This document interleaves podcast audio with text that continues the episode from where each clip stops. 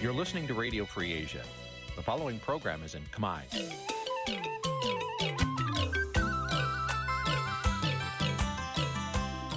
នេះជាកម្មវិធីផ្សាយ Vuthu Azizi Serai នេះជាកម្មវិធីផ្សាយរបស់ Vuthu Azizi Serai ជាភាសាខ្មែរ Vuthu Azizi Serai សូមស្វាគមន៍លោកអ្នកនាងទាំងអស់ពីរដ្ឋធានី Washington នៃសហរដ្ឋអាមេរិក បាទខ្ញុំបាទយ៉ងច័ន្ទដារាសូមជម្រាបសួរលោកអ្នកនាងអ្នកស្ដាប់វិទ្យុអាស៊ីសេរីទាំងអស់ទីមេត្រីបាទខ្ញុំបាទសូមជូនកម្មវិធីផ្សាយសម្រាប់យប់ថ្ងៃសុក្រ10រោចខែកដិកឆ្នាំខាលចត្វាស័កពុទ្ធសករាជ2566ដែលត្រូវនឹងថ្ងៃទី18ខែវិច្ឆិកាគ្រិស្តសករាជ2022បាទជាដំបូងនេះសូមអញ្ជើញអស់លោកអ្នកនាងស្ដាប់ព័ត៌មានប្រចាំថ្ងៃដែលមានមេត្តាដូចតទៅ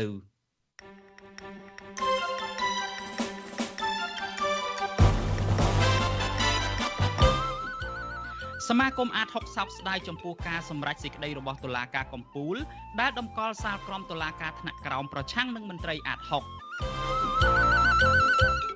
គណៈកម្មាធិការជាតិប្រឆាំងទារុណកម្មរកឃើញថាប៉ូលីសស្រុកសង្កែពាក់ព័ន្ធការធ្វើទារុណកម្មលោកពេជ្រធីរ៉េតរហូតដល់ស្លាប់ប្រជាពលរដ្ឋរស់នៅតាមដងទន្លេលក់ផ្ទះព្រោះបារម្ភពីការបាក់ច្រាំងទន្លេបណ្ដាលមកពីការបូមខ្សាច់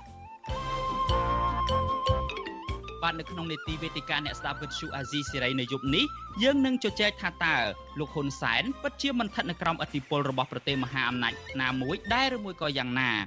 បាទរួមនឹងព័ត៌មានសំខាន់សំខាន់មួយចំនួនទៀតបាទជាបន្តទៅទៀតនេះខ្ញុំបាទយ៉ងច័ន្ទដារាសូមជូនព័ត៌មានទាំងនេះពឺស្ដា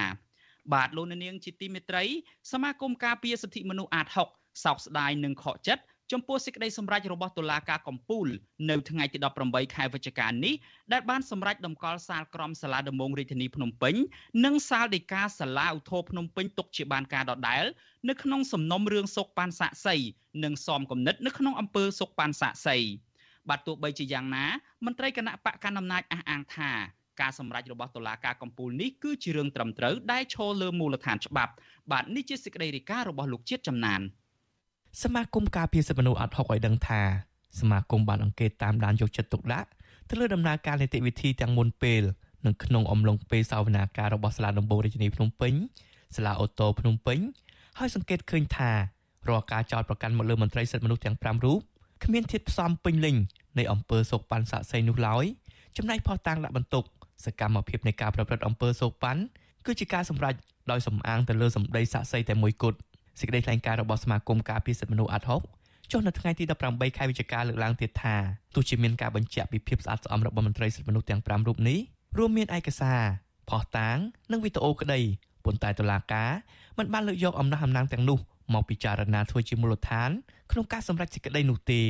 ប្រតិកម្មរបស់សមាគមការពារសិទ្ធិមនុស្សអាត់ហុកបែបនេះក្រោយពេលដែលតុលាការកំពូលបានសម្រេចតម្កល់សារក្រមសាលាដំបងរាជធានីភ្នំពេញនិងសារដីកាសាលាអូតូភ្នំពេញទុកជាបានការ ក្នុងសំណុំរឿងសោកប៉ាន់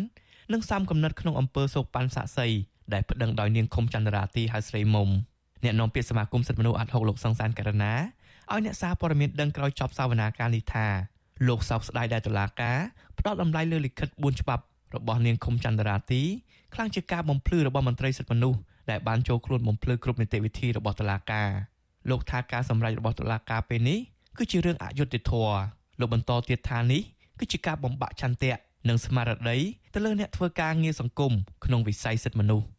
ខ្ញុំថាវាវាជាភាពអាម៉ាស់នៃប្រព័ន្ធយុតិធធដែលយើងគិតថាប្រព័ន្ធយុតិធធគួរតែមានការពិនិត្យមើលពិចារណាអំពីកំហុសនីតិវិធីជាពិសេសខាងតឡាការកម្ពុជាគួរតែមានការពិនិត្យមើលអំពីការអនុវត្តនីតិវិធីនៃពេលកន្លងមកដែលមានកំហុសឆ្គងហ្នឹងហើយមានវិធានការជាក់លាក់ដើម្បីពង្រឹងនៅជំនឿចិត្តពីប្រជាពលរដ្ឋពីសាធារណជនឡើងវិញប៉ុន្តែបើស្បែកជាបង្ហាញអំពីការដែលកំដំកល់រឿងហ្នឹងទៅតាមសាលាដំបងសាលាតទៅវិញ កាលពីឆ្នាំ2016សាលាដំបងរាជធានីភ្នំពេញបានសម្រេចផ្តន្ទាទោសមន្ត្រីសិទ្ធិមនុស្សទាំង4រូបគឺលោកនីសុខាលោកយីសុកសាន អ្នកស្រីលឹមមនីនិងលោកណៃវងដារួមទាំងអតីតមន្ត្រីអាត់ហុកដែលបច្ចុប្បន្នជាអគ្គលេខាធិការរងនៃកោជបគឺលោកនីចរិយាដាក់ពន្ធនាគារ5ឆ្នាំប៉ុន្តែអនុវត្តទោសនៅក្នុងពន្ធនាគារ14ខែហើយទោសនៅសល់ត្រូវព្យួរក្រោមបទចោទសំគំនិតនិងសោកប៉ាន់សាក់សីនាងខុមចន្ទរាទីហៅស្រីមុំ ដែលជាប់ពាក់ព័ន្ធទៅនឹងសំណុំរឿងអាស្រូវស្នេហាជាមួយប្រធានគណៈបកប្រឆាំងលោកកឹមសុខាដែលដំបងឡើយបានទៅសុំជំនួយគាំពៀផ្នែកសិទ្ធិមនុស្សពីសមាគមអាត់ហុកតែចុងក្រោយនាងបានប្តឹងអ្នកទាំង5រូបនេះថាបានសោកប៉ាន់រូបនាងក្នុងទំហំទឹកប្រាក់ជាង200ដុល្លារទោះជាយ៉ាងណាសមាគមអាត់ហុកបញ្ជាក់ថាលុយជាង200ដុល្លារនោះគឺសមាគមអាត់ហុកផ្ដល់ឲ្យនាងខុមចន្ទរាទីសម្រាប់ថ្លៃធ្វើដំណើរនិងថ្លៃស្នាក់នៅក្នុងនាមជាជនរងគ្រោះដែលមកសុំជំនួយសង្គ្រោះពីសមាគមអាត់ហុក ការផ្ដល់ជំនួយមនុស្សធម៌ដល់ជនរងគ្រោះដែលខ្វះខាតនេះគឺជាគោលការណ៍របស់សមាគមអាត់ហុកតាំងពីយូរមកហើយមន្ត្រីសិទ្ធិមនុស្សនៃសមាគមការពារសិទ្ធិមនុស្សអាត់ហុកលោកយីសុកសានដែលរងការផ្ដន្ទាទោសពីតុលាការលើកឡើងថាការសម្រេចរបស់តុលាការពេលនេះផ្ទុយពីការរំពឹងទុករបស់លោកដែលខំសង្កឹមថាតុលាការកំពូលនឹងផ្ដល់យុត្តិធម៌ដល់អ្នកធ្វើការងារបម្រើសង្គមថ្ងៃនេះខ្ញុំមានការសោកស្ដាយចំពោះសេចក្តីសម្រេចរបស់តុលាការកំពូលដែលខ្ញុំគិតថា តឡាការកម្ពុជានឹងរកយុត្តិធម៌ឲ្យក្រមអ្នកធ្វើការងារសង្គមស៊ីវិលផ្នែកសិទ្ធិមនុស្សចំណុចនេះខ្ញុំគិតថា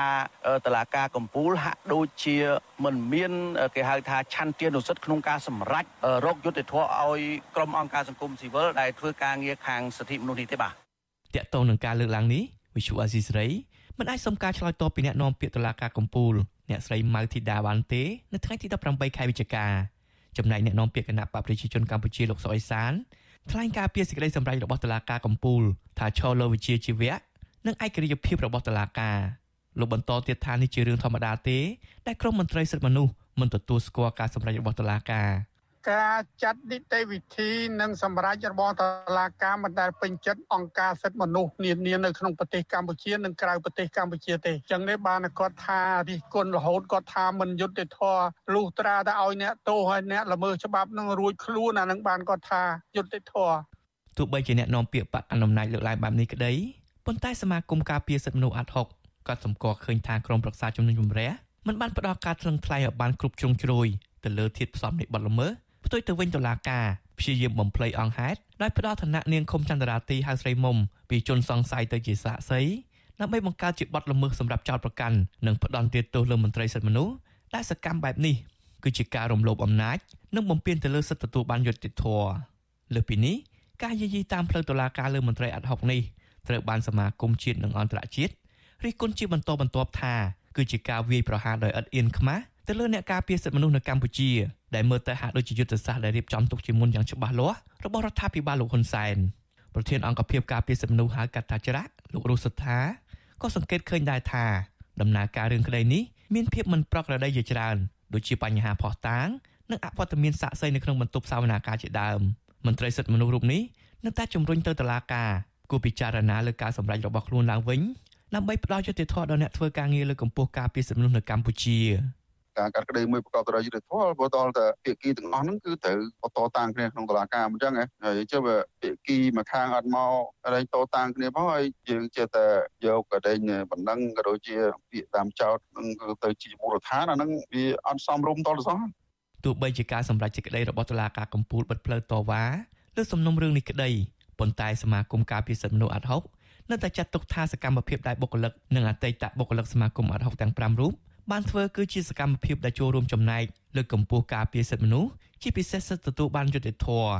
សមាគមការពារសិទ្ធិមនុស្សអាត់ហុក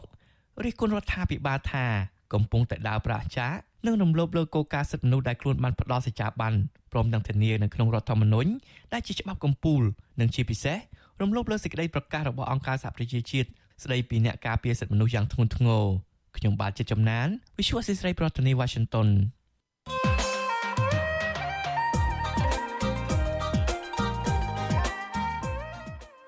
បាទលោកនាងជាទីមេត្រីក្រុមអ្នកតាមដានកិច្ចការសង្គមលើកឡើងថាលោកនាយករដ្ឋមន្ត្រីហ៊ុនសែនបានដឹកនាំប្រទេសស្ថិតនៅក្រោមឥទ្ធិពលរបស់ចិនកុម្មុយនីសក៏ប៉ុន្តែក្រោយពីលោកហ៊ុនសែនបានជួបមេដឹកនាំសហរដ្ឋអាមេរិកនិងចិននាឱកាសកម្ពុជារៀបចំកិច្ចប្រជុំកំពូលអាស៊ានកាលពីពេលថ្មីថ្មីនេះលោកហ៊ុនសែនអះអាងថាកម្ពុជាមិនមែនជាកូនជឹងរបស់ប្រទេសមហាអំណាចណាមួយនោះឡើយ។ ថាតើលោកហ៊ុនសែនពិតជាមិនមែនជាកូនចឹងរបស់ប្រទេសមហាអំណាចណាមួយដោយដែលលោកអះអាងនេះឬមួយក៏យ៉ាងណាបាទសូមលោកអ្នកនាងរងចាំស្ដាប់នីតិវេទិកាអ្នកស្ដាប់វិទ្យុអាស៊ីសេរីនៅយប់នេះកុំបីខានបាទប្រសិនបើលោកអ្នកនាងមានសំណួរឬមួយក៏ចង់ចូលរួមបញ្ចេញមតិយោបល់ដោយផ្ទាល់លោកអ្នកនាងអាចដាក់លេខទូរស័ព្ទរបស់លោកអ្នកនាងនៅក្នុងខ្ទង់ comment Facebook និង YouTube របស់ Vuthu Azizi Serai បាទក្រុមការងាររបស់យើងនឹងហៅទៅលោកអ្នកនាងវិញបាទសូមអរគុណ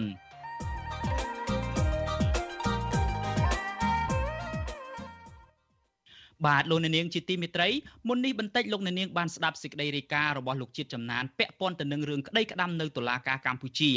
ឥឡូវនេះយើងងាកមកចាប់អារម្មណ៍ទៅនឹងរឿងក្តីក្តាំនេះដែរក៏ប៉ុន្តែនៅឯតុលាការសហរដ្ឋអាមេរិកវិញ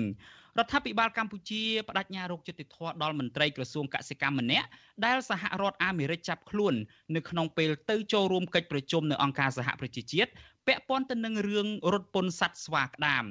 បាទអ្នកវិភាគនិងមន្ត្រីអង្គការសង្គមស៊ីវិលយល់ថាករណីនេះគឺជារឿងរ៉ាវអាម៉ាស់ថ្មីមួយទៀតរបស់ក្រសួងកសិកម្មស្របពេលដែលរដ្ឋមន្ត្រីថ្មីទៅតែលើកឡើងកាន់តំណែងបាទពួកគេចង់ឃើញរដ្ឋាភិបាលប្រើប្រាស់ឱកាសនេះស៊ើបអង្កេតករណីនេះឲ្យបានពិតប្រាកដដើម្បីកុំឲ្យប្រជាពលរដ្ឋបាត់ទំនុកចិត្តកាន់តែខ្លាំងទៅលើរដ្ឋាភិបាល បាទលោកមានរិទ្ធរាយការណ៍ព័ត៌មាននេះពិស្ដាមន្ត្រីជាន់ខ្ពស់នៃក្រសួងកសិកម្មចំនួន2រូប ត្រូវសាររដ្ឋអាមេរិកចោទប្រកាន់ពីបទសំគំនិតក្នុងរឿងនាំចូលសត្វស្វាក្តាមខុសច្បាប់ចូលទឹកដីអាមេរិកតាមរយៈការប្រព្រឹត្តអំពើពុករលួយ ក្នុងនោះក្រសួងយុទ្ធភ័ពសហរដ្ឋអាមេរិកបានប្រកាសពីការចាប់ខ្លួនមន្ត្រីជាន់ខ្ពស់ក្រសួងកសិកម្មកម្ពុជាមួយរូបឈ្មោះគ្រីម៉ាផល ដែលជាប្រធាននាយកដ្ឋានសត្វព្រៃនិងជីវៈចម្រុះនៃរដ្ឋបាលព្រៃឈើនៅក្នុងពេលដែលមន្ត្រីរូបនោះកំពុងធ្វើដំណើរឆ្លងកាត់សហរដ្ឋអាមេរិកនៅបរិយាញូវយ៉កនៅឯអាកាសយានដ្ឋានអន្តរជាតិ John F Kennedy ដើម្បីទៅចូលរួមកិច្ចប្រជុំរបស់អង្គការសហប្រជាជាតិនៅប្រទេសប៉ាណាម៉ា ភ្លាមភ្លាមក្រោយពីការប្រកាសចាប់ខ្លួនមន្ត្រីកម្ពុជារូបនេះក្រសួងកសិកម្មកម្ពុជា បានចេញមុខការពីមន្ត្រីរបស់ខ្លួននិងចាត់ទុកករណីចាប់ខ្លួននេះថាគឺជារឿងដ៏គួរឲ្យហួសចិត្តជាទីបំផុតក្រសួងថានឹងខិតខំប្រឹងប្រែងឲ្យអស់ពីលទ្ធភាពដើម្បីរកយុត្តិធម៌ដល់មន្ត្រីរបស់ខ្លួន ជាពិសេសអ្នកដែលបំពេញកាតព្វកិច្ចផ្លូវការតំណាងឲ្យប្រទេសកម្ពុជា ស្របតាមអនុសញ្ញាអន្តរជាតិ អ្នកនាំពាក្យនៃក្រសួងកសិកម្មរុក្ខាប្រមាញ់និងនេសាទកញ្ញាអឹមរចនាប្រាប់វិសុវអសីស្រីកាលពីល្ងាចថ្ងៃទី17ខែវិច្ឆិកាថាមន្ត្រីកម្ពុជារូបនេះពុំបានប្រព្រឹត្តខុសច្បាប់ឡើយដរាបណាមិនទាន់កាត់ទោសដោយតុលាការហើយក្រសួងនឹងស្វែងរកមេធាវីការពីក្តីឲ្យមន្ត្រីរបស់ខ្លួន នៅឯតុលាការអាមេរិក ឡមកទៅពេលនេះយើងយើងមានតែពី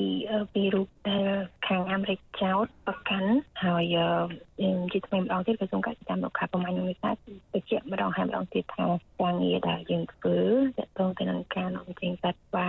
ក្តាមនេះគឺយើងធ្វើស្របទៅតាមនីតិវិធីហើយនឹងបទបញ្ញត្តិជាធរមាននិងច្បាប់និងច្បាប់ជាតិនិងអន្តរជាតិអញ្ចឹងហើយអ្វីដែលយើងនឹង ធ្វើបន្ទាប់ពីនេះគឺការតតាំងតាមផ្លូវច្បាប់ដើម្បីស្វែងរកយុត្តិធម៌ជួយមន្ត្រីរបស់យើងចា៎សត្វស្វាក្តាមគឺជាប្រភេទសត្វព្រៃដែលជិតផុតពូជមួយនៅលើពិភពលោកដែលត្រូវបានការពារដោយអនុសញ្ញាស្តីពីការហាម5ការធ្វើពាណិជ្ជកម្មអន្តរជាតិលើប្រភេទសត្វនិងរុក្ខជាតិព្រៃដែលប្រឈមទៅនឹងការជិតផុតពូជហៅកាត់ថាអនុសញ្ញា CITES និងដោយច្បាប់របស់សហរដ្ឋអាមេរិក អនុសញ្ញានេះមានប្រទេសចំនួន184នៅលើពិភពលោកចុះហត្ថលេខាទទួលស្គាល់កម្ពុជាក៏គឺជាភាគីហត្ថលេខីមួយនៃអនុសញ្ញានេះដែរក្រសួងកសិកម្មអះអាងថាខ្លួនប្រកាន់ខ្ជាប់នៅគោលការណ៍និងច្បាប់ដោយដែលមានចែងនៅក្នុងអនុសញ្ញានេះក្រសួងពន្យល់ថាសត្វស្វាក្តាមគឺជាប្រភេទសត្វសម្បូរនិងមាននៅទូទាំងប្រទេសកម្ពុជា សត្វស្វាក្តាមនេះក៏ត្រូវបានចិញ្ចឹមនៅកសិដ្ឋានកម្ពុជា តាំងពីឆ្នាំ2005មកម្លេះសម្រាប់នាំចេញក្នុងគោលដៅវិជ្ជសាស្ត្រធ្វើពិសោធន៍ដើម្បីផលិតឱសថវ៉ាក់សាំងឬគ្រឿងសម្អាងក្រសួងកសិកម្មបដិសេធថាសត្វស្វាក្តាមទាំងនេះមិនត្រូវបានចាប់ពីព្រៃហើយបញ្ជូនទៅក្រៅប្រទេសដោយការចាត់ប្រកាន់របស់សហរដ្ឋអាមេរិកនោះទេ អ្នកវិភាគនយោបាយលោកកឹមសុខដែលបច្ចុប្បន្នកំពុងរស់នៅភៀសខ្លួននៅប្រទេសហ្វាំងឡង់ដើម្បីកិច្ចចេញពីការតាមធ្វើទុកបុកម្នេញរបស់រដ្ឋាភិបាលលោកនាយរដ្ឋមន្ត្រីហ៊ុនសែនហៅករណីនេះថាគឺជារឿងអាម៉ាស់ថ្មីមួយទៀតសម្រាប់កម្ពុជា ដែលមិនដែលរកឃើញនិងតែងតែបដិសេធនោះ លោកថាករណីនេះគឺជាឧទាហរណ៍មួយ ដែលអាចបន្លាចដល់មន្ត្រីខិលខូចរបស់លោកហ៊ុនសែនជាសញ្ញាមួយអាចបន្លាចទៅដល់ក្រមមន្ត្រីជាន់ខ្ពស់នៃរដ្ឋាភិបាលលោកហ៊ុនសែនបច្ចុប្បន្នដែរពីព្រោះខ្ញុំនិយាយថាភាគច្រើនលើសលប់ទៅចុះនៃពួកគេ មានជាប់បទអក្រិតបំផ្លាញព្រៃឈើធម្មជាតិបំផ្លាញសត្វព្រៃប្លន់ដីធ្លីប្រជាពលរដ្ឋពាក់ព័ន្ធទៅនឹងការរំលោភច្បាប់ឧទាហរណ៍គ្រឿងញៀនជាដើម ការជួញដូរមនុស្សលាងលុយកខ្វក់ហើយពួកអ្នកទាំងអស់នោះអាចនឹងពិចារណាថាមិនដឹងថាសំណុំរឿងរបស់ពួកគេ នៅក្នុងដៃនៃតុលាការប្រទេសណាខ្លះទេហើយពួកគេអាចមានការបារម្ភហើយថាក្នុងដំណាក់កាលនេះនៅពេលដែលលោកហ៊ុនសែនដឹកនាំបែបអំណាចទំនឹងចិត្តស្រាប់តែពួកគេចេញដំណើរទៅធ្វើទេសចរក្តី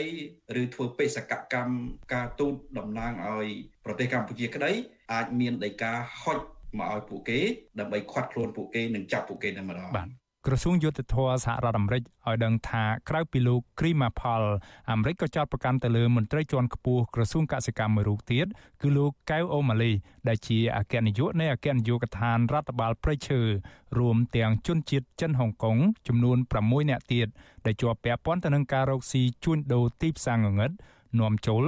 ឬរត់ពន្ធសត្វស្វាក្តាមខុសច្បាប់ពីតំបន់អាស៊ីអាគ្នេយ៍ដោយសហការជាមួយមន្ត្រីខិលខូចពុករលួយនៅកម្ពុជា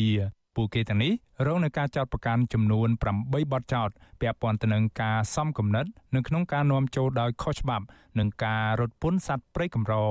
ជនទាំងនេះអាចប្រឈមទៅនឹងការជាប់គុកពី5ឆ្នាំរហូតទៅដល់20ឆ្នាំហើយអាចពិន័យជាប្រាក់រហូតទៅដល់250,000ដុល្លារអាមេរិក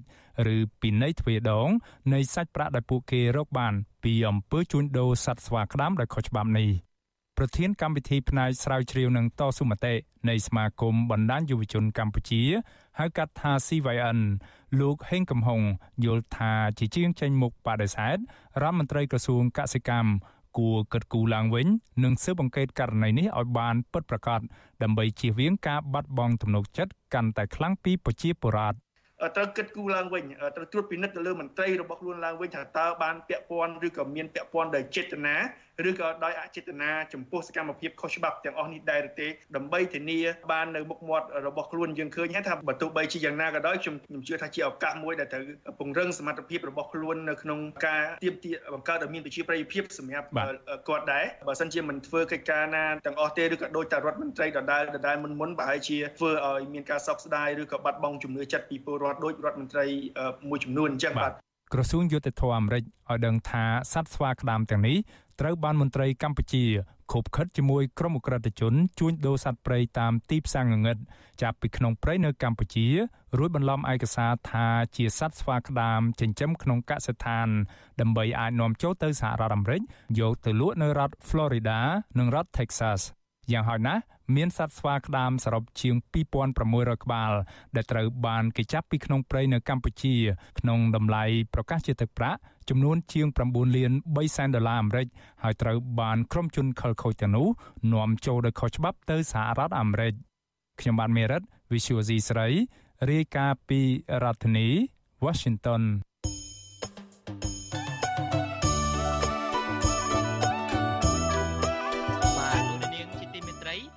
ដំណើរគ្នានឹងស្ដាប់ការផ្សាយវិទ្យុអាស៊ីសេរីនៅតាមបណ្ដាញសង្គម Facebook និង YouTube លោកអ្នកនាងក៏អាចតាមដានការផ្សាយរបស់យើងតាមរយៈរលក ធាតុអាកាសខ្លីឬមួយក៏ Shortwave បានដែរ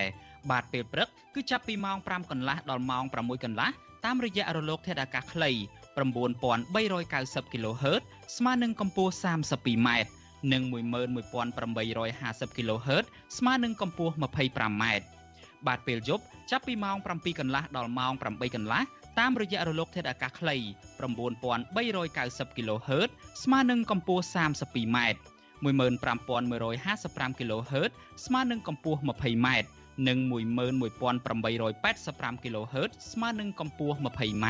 បាទសូមអរគុណ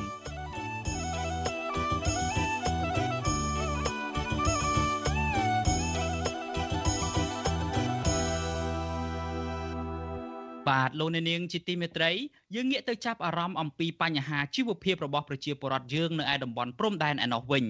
បាទពលករខ្មែរដែលមកស៊ីឈ្នួលបេះផ្លែមៀនតាមចំការនៅជាយដែនប្រទេសថៃត្អូញត្អែថាពួកគាត់រកប្រាក់ចំណូលមិនសូវបានព្រោះតែរោងចក្រកែច្នៃផ្លែមៀនមិនសូវចូលមកកំងទិញច្រើនដូចឆ្នាំមុនមុនពួកគាត់បេះផ្លែមៀនរកប្រាក់កម្រៃបានតិចតួចដើម្បីដោះស្រាយជីវភាពប្រចាំថ្ងៃ ក៏ប៉ុន្តែត្រូវចំណាយលើថ្លៃធ្វើឯកសារឆ្លងដែននិងចុះឡើងទៅស្រុកកំណើតបងប្រាក់ឲ្យប៉ូលីសព្រំដែនអស់ជាច្រើនបាទមន្ត្រីអង្គការសង្គមស៊ីវិលយល់ថាអាញាធរប្រទេសទាំងពីរគួរតែយកយល់ដល់ប្រជាពលរដ្ឋខ្មែរដោយសម្រួលការធ្វើឯកសារឲ្យមានតម្លៃសមរម្យឡើងវិញបាទនេះជាសេចក្តីរាយការណ៍របស់លោកថាថៃប្រជាពលករខ្មែរដែលកំពុងស៊ីឈ្នួលដើរបេះផ្លែមៀននៅតាមចំការបណ្ដោយព្រំដែនថៃ កំពុងជួបបញ្ហាផ្នែកជីវភាព ដោយសារមិនអាចរកប្រាក់បានច្រើនព្រោះมันមានផ្លែមានបេះនិងគ្មានឈ្មួញទិញយកទៅកែច្នៃច្រើនដូចពីប៉ុន្មានឆ្នាំមុនពួកគាត់អះអាងថារោគប្រាក់មិនគ្រប់ចំណាយប្រចាំថ្ងៃព្រោះទំនិញឡើងថ្លៃគ្រប់មុខនិងត្រូវបង់មួយផ្នែកធំលើបានឆ្លងដែនឬហៅថា border pass និងប៉ូលីសនៅតាមព្រំដែនទៀតទើបអាចចេញចូលធ្វើការស៊ីឈ្នួលនៅទឹកដីថៃបានពលករនីខ្មែរម្នាក់ដែលជាអ្នកស៊ីឈ្នួលបេះផ្លែមៀននៅខេត្តច័ន្ទបុរី មានកូន2នាក់ក្នុងបន្ទុកមកពីខេត្តពោធិ៍សាត់លោកស្រីធឿនស្រីប្រាប់វិទ្យុអាស៊ីសេរីនៅថ្ងៃទី18វិច្ឆិកាថាលោកស្រីនឹងប្តីទៅស្នាក់នៅធ្វើការក្នុងប្រទេសថៃដោយសារគ្មានការងារធ្វើនៅក្នុងស្រុកតែសប្តាហ៍ថ្ងៃការងារដើរបេះផ្លែមៀនក៏មិនសូវមានច្រើនដូចពីមុនទេលោកស្រីអាចរកប្រាក់បានតែ150បាតស្មើជាង17000រៀលទៅ200បាតស្មើនឹងជាងប្រមាណ20000រៀលក្នុងមួយថ្ងៃលោកស្រីបន្តថាពេលឆ្លងដែន ត្រូវបង់ថ្លៃប៉ូលីសខ្មែរនិងថៃជាង500បាត ស្មើនឹងប្រមាណ50000រៀលទៅ1500បាត ស្មើនឹងប្រមាណជិត200,000រៀលលោកស្រីស្នើឲ្យប៉ូលីសតាមព្រំដែនកុំយកលុយពីពលករខ្មែរច្រើនពេកព្រោះពួកគាត់សុទ្ធតែជាពលករខ្មែរទៅស៊ីឈ្នួលនៅប្រទេសថៃ ហើយតដល់យើងធ្វើបាត់អស់លុយហើយពេលយើងឈឺស្កាត់ធ្ងន់វាអត់ឲ្យយើងចេញតដល់ពេលយើងចេញយើងឲ្យលុយ500យើងចូលពីខ្មែរមកម្នាក់1500ទៀតបងហើយយើងទៅរកអីយើងរដូវខែបេះមានក៏យើងវិជាពលរដ្ឋវាមិនទៅបេះបានអញ្ចឹងណាបងបានមួយថ្ងៃ2 3តកាមួយថ្ងៃ2 3តកាហើយយើងវាមិនគ្រប់វាបើយើងគិតទាំងហូបវាមិនគ្រប់ទាំងហូបផងបង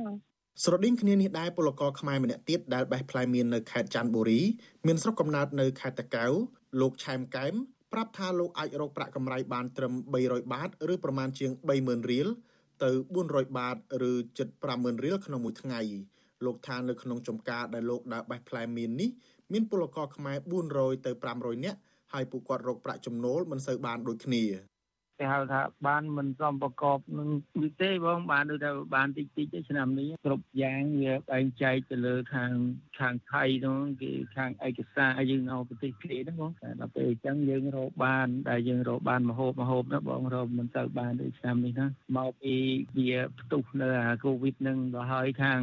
រោងងានខាងថៃគាត់មិនទៅទិញបាននៅសួនណាដូចថាគាត់ទិញសួនហ្នឹងបានតិចអញ្ចឹងធ្វើឲ្យខាងកម្មករខ្មែរយើងអញ្ចឹងដូចថាយើងទៅទិញអញ្ចឹងយើងមកបេះអញ្ចឹងដូចថាវាមានការបេះឈប់បេះឈប់អញ្ចឹងណាបងកម្មករខ្មែរច្រើនតែឆ្លងដែនចូលមកស៊ីឈ្នួលបេះផ្លែមៀននៅតាមចំការព្រំដែនថៃក្នុងរវាងខែកញ្ញាទៅដល់ខែធ្នូហើយកម្មករខ្លះដែលមានផ្ទះជាប់ព្រំដែនខ្មែរថៃពួកគាត់ចូលមកបេះផ្លែមៀនពេលព្រឹកលុះល្ងាចក៏នាំគ្នាត្រឡប់ទៅខ្មែរវិញ ក៏ប៉ុន្តែកម្មករខ្លះក៏សម្រាកនៅផ្ទះតាមចំការរបស់ថៅកែថៃឬបោះតង់ដេកតាមចំការតែម្ដងដោយពួកគាត់នៅជាក្រុមពី30ទៅ40នាក់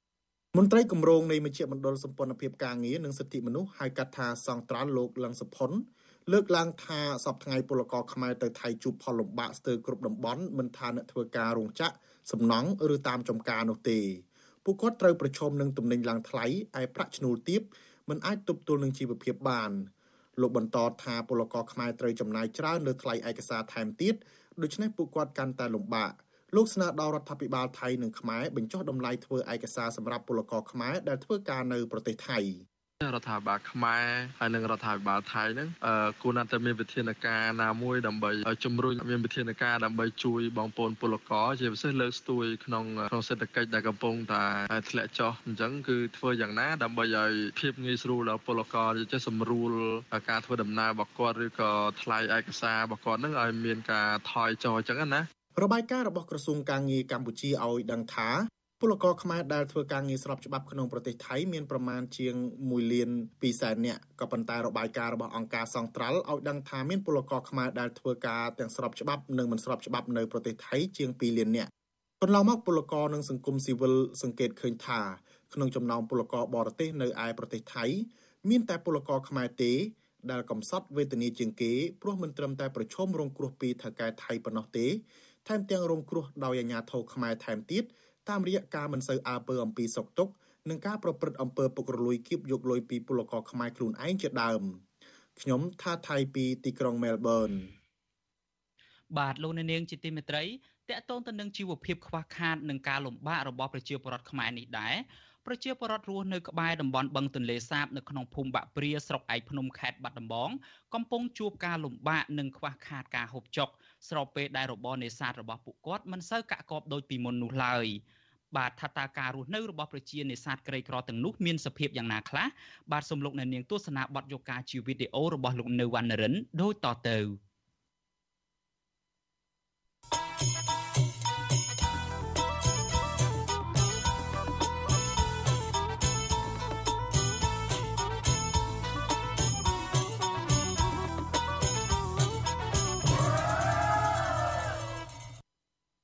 បាទលោកនាងជាទីមេត្រីខ្ញុំបាទសូមអធិស្ឋានចំពោះបញ្ហាបច្ចេកទេសយើងមិនទាន់អាចចាក់ផ្សាយសេចក្តីរាយការណ៍ជាវីដេអូរបស់លោកនៅវណ្ណរិនបានទេតាក់ទងទៅនឹងស្ថានភាពខ្វះខាតការលំបាករបស់ប្រជាពលរដ្ឋបាទប៉ុន្តែយើងមានសេចក្តីរាយការណ៍មួយដាច់ដライទៀតគឺតាក់ទងទៅនឹងសំណុំរឿងដែលមន្ត្រីប៉ូលីសនៅស្រុកសង្កែខេត្តបាត់ដំបងប្រើអំពើហិង្សារហូតដល់ស្លាប់ទៅលើបរិសម្នាក់ដែលឈ្មោះលោកពេជ្រភិរេតហើយមកទល់នឹងពេលនេះគ្រួសាររបស់ពួកគាត់មិនទាន់ទទួលបានយុត្តិធម៌នៅឡើយទេបាទអ្នកស្រីម៉ៅសុធានីរាយការណ៍ព័ត៌មាននេះ ប្រធានគណៈកម្មាធិការជាតិប្រឆាំងទរណកម្មលោកនុតសាអាន ប្រាប់វិទ្យុអសីស្រីនៅថ្ងៃទី18ខែវិច្ឆិកាដែលលោកអះអាង ថាសំណុំរឿងតាក់ទងនឹងការស្លាប់របស់ជនសង្ស័យឈ្មោះពេជ្រធីរ៉េតនៅអធិការដ្ឋាននគរបាលស្រុកសង្កែខេត្តបាត់ដំបង ជាង1ឆ្នាំមកនោះគណៈកម្មការជាតិប្រឆាំងអំពើទរណកម្មក្រុងចេញសេចក្តីសន្និដ្ឋានពីលទ្ធផលនៃការស៊ើបអង្កេតចុងក្រោយ និងផ្សព្វផ្សាយជាសាធារណៈយ៉ាងយូរត្រឹមថ្ងៃទី20ខែវិច្ឆិកាខាងមុខលោកបង្ហើបឲ្យដឹងថាតាមសេចក្តីសន្និដ្ឋានចុងក្រោយនោះបានរកឃើញថាប៉ូលីសស្រុកសង្កែជាប់ពាក់ព័ន្ធនឹងការស្លាប់របស់ជនសង្ស័យឈ្មោះពេជ្រធីរ៉េតហៅស្នាហើយមន្ត្រីទាំងនោះក៏បានដកទួនាទីនិងផ្ទេរពីកន្លែងចាស់ដាក់ទៅទួនាទីថ្មីអស់ហើយ បាទខ្ញុំពងពងរៀបចំធ្វើតែនឹងចេញក្នុងពេលស្អែកខាងស្អែកខ្ញុំនឹងនឹងធ្វើការផ្សព្វផ្សាយជូនមានពាក់ព័ន្ធជាមួយនឹងមន្ត្រីមានគាត់កិច្ចឥឡូវហ្នឹងមន្ត្រីអស់ហ្នឹងគឺបានដកទេចេញពីកន្លែងអស់ទាំងអស់ហើយ ឆ្លើយតបរឿងនេះអតីតអធិការនគរបាលស្រុកសង្កែលោកស៊ុនសវណ្ណាប្រាប់ថាលោកត្រូវបានផ្ទេរពីមេប៉ូលីសស្រុកសង្កែមកកាន់មុខតំណែងជាស្នងការរងនគរបាលខេត្តបាត់ដំបងជំនួសវិញទោះយ៉ាងណាលោកបដិសេធឆ្លើយតបទៅនឹងសំណួរវិទ្យុអសីសេរីជុំវិញការស្លាប់របស់លោកពេជ្ររ៉េតក្រោមហេតុផលថាលោកបានឆ្លើយបញ្ជាក់ទៅក្រសួងរួចហើយបន្ទាប់មកលោកក៏ចុចផ្ដាច់ទូរស័ព្ទ ឡើយនឹងមកឯងសួរខ្ញុំរួចហើយហើយបើខ្ញុំក៏ពេលនេះក៏ខ្ញុំអត់ឆ្លើយដែរហើយវាហួសហួសអាដេញទូនេតិខ្ញុំហើយរឿងនឹងដល់ក្រសួងអីអស់ហើយទោះយ៉ាងណាបងស្រីបង្កើតរបស់ជនរងគ្រោះដែលសកម្មក្នុងការស្វែងរកយុត្តិធម៌ជូនប្អូនប្រុសគឺលោកស្រីពេជ្រលីណាថ្លែងថារយៈពេលជិត600ថ្ងៃមកនេះដែលប្អូនប្រុសរបស់លោកស្រីមិនទាន់ទទួលបានយុត្តិធម៌នៅឡើយ។ ប៉ុន្តែប៉ូលីសស្រុកសង្កែដែលសង្ស័យជាប់ពាក់ព័ន្ធក្រោមអំពើទរណកម្មលើប្អូនប្រុសបែរជានៅក្រៅសំណាញ់ច្បាប់និងថែមទាំងដំឡើងទួនាទីទៅវិញលោកស្រីស្នើយ៉ាងទទូចដល់គណៈកម្មាធិការជាតិប្រឆាំងទរណកម្មបង្ហាញលទ្ធផលដោយឈលលើភាពត្រឹមត្រូវនិងយុត្តិធម៌ហើយបើសិនជារកឃើញថាករណីនេះមានជាប់ពាក់ព័ន្ធនឹងប៉ូលីសស្រុកសង្កែត្រូវយកជនប្រព្រឹត្តទាំងនោះដាក់ទោសតាមច្បាប់ដើម្បីផ្ដល់យុត្តិធម៌ដល់ជនរងគ្រោះ។ បើសិនជាខាងក្រសួងមហាផ្ទៃបើសិនជាលោកចេញសេចក្តីប្រកាសជាសាធារណៈហើយថាមានជាប់ពាក់ព័ន្ធទៅនឹងសមត្ថកិច្ចស្រុកសង្កែដែលយកប្អូនខ្ញុំទៅសួរចម្លើយមានជាប់ពាក់ព័ន្ធនឹងការវាយធ្វើទរណកម្មខ្ញុំសូមឲ្យខាងក្រសួងចាត់វិធានការតាមនីតិវិធីច្បាប់ទៅលើសមត្ថកិច្ចទាំងអស់នោះឲ្យសមនឹងទង្វើរបស់គាត់ដែលគាត់យកជនសង្ស័យទៅវាយយកចម្លើយរហូតដល់ស្លាប់ចឹង កាលពីថ្ងៃទី3ខែមេសាឆ្នាំ2021លោកពេជ្រធីរ៉េតអាយុ31ឆ្នាំមានមុខរបរជាជាងផ្សារដែករស់នៅក្នុងភូមិបោះពោឃុំអូដំបងមួយស្រុកសង្កែបានស្លាប់បាត់បង់ជីវិតក្នុងពេលប៉ូលីសចាប់ឃុំខ្លួនសួរចម្លើយនៅក្នុងអធិការដ្ឋាននគរបាលស្រុកសង្កែអស់រយៈពេលជាង3ម៉ោងពាក់ព័ន្ធនឹងការសង្ស័យថាគាត់បានរៀបខ្សែភ្លើងអគ្គិសនីដើម្បីឆក់សម្លាប់ប្រពន្ធនៅក្នុងផ្ទះដោយសារភ្លើងប្រច័ណ្ឌប៉ុន្តែសាក់សីអះអាងថាក្នុងពេលដែលកើតហេតុនោះគឺបរិជាប្តីមិនបាននៅផ្ទះនោះឡើយ ប៉ូលីសខេត្តបាត់ដំបងបកស្រាយថាលោកពេជ្រធីរ៉េតស្លាប់ដោយសារកាំងបេះដូងព្រោះប្រើថ្នាំញៀនហួសកម្រិតប៉ុន្តែនៅពេលសាច់ញាតិពិនិត្យសាកសពឃើញមានស្នាមរបួសនិងជាំពេញខ្លួនចាប់តាំងពីក្បាលរហូតដល់ជើង និងមានហូរឈាមតាមច្រមុះនិងត្រចៀកព្រមទាំងស្នាមខួងនៅកន្លែងដាក់ខ្នោះនិងស្នាមជាំខ្លាំងនៅកជើងទាំងពីរ បន្ថែមពីនេះសម្លៀកបំពាក់របស់ជនរងគ្រោះត្រូវបានផ្លាស់ប្ដូរឲ្យសាច់ញាតិអះអាង ថាសមត្ថកិច្ចបានព្យាយាមរារាំងមិនឲ្យសាច់ញាតិនិងអ្នកកសែតទៅពិនិត្យសាកសពទៀតផងអ្នកជំនាញនឹងគ្រួសារជនរងគ្រោះសន្និដ្ឋាន ថាស្នាមជាំនឹងរបួសនៅលើដងខ្លួនសាកសពគឺជាស្នាមរងទរណកម្មដោយសារការវេដំនិងឆក់ខ្សែភ្លើង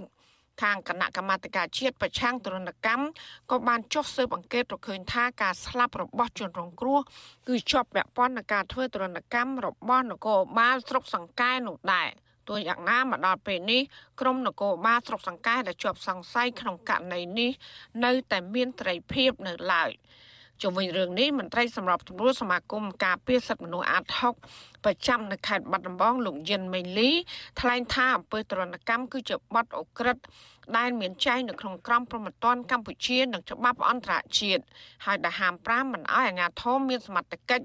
ធ្វើទរណកម្មលើជនសង្ស័យឬក៏ជនណាមួយ ដើម្បីទទួលបានចម្លើយសារភាពនោះឡើយលោកជំរុញឲ្យក្រសួងស្ថាប័នពាក់ព័ន្ធពង្រឹងការអនុវត្តច្បាប់ឡើងវិញ ស្លាប់ណាស់ណាដែលក្រុមគ្រួសារជនរងគ្រោះគាត់សង្ស័យថាធ្វើទរណកម្មហើយយើងបំភ្លឺគេអត់បាននេះជាបញ្ហាបញ្ហាដែរតែទោះបីជាយ៉ាងណាយើងចង់ឲ្យខាងក្រុមសមត្ថកិច្ចគាត់ចេញរបាយការណ៍មកបាទដើម្បីធ្វើការពិនិត្យទៅលើរបាយការណ៍ហ្នឹងទោះយ៉ាងណាករណីមន្ត្រីនគរបាលរងការចោទថាធ្វើទរណកម្មលើជនសង្ស័យក្នុងពេលចាប់ឃុំខ្លួនឬក៏ពេលសួរចម្លើយបណ្ដារងគ្រោះរបួសធ្ងន់ធ្ងរនិងស្លាប់នេះ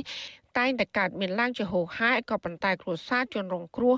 កម្រទទួលបានយុត្តិធម៌ណាស់ប៉ះសិនបើគ្មានការស្រែកបញ្ជា ពីលោកនាយករដ្ឋមន្ត្រីហ៊ុនសែននោះទេ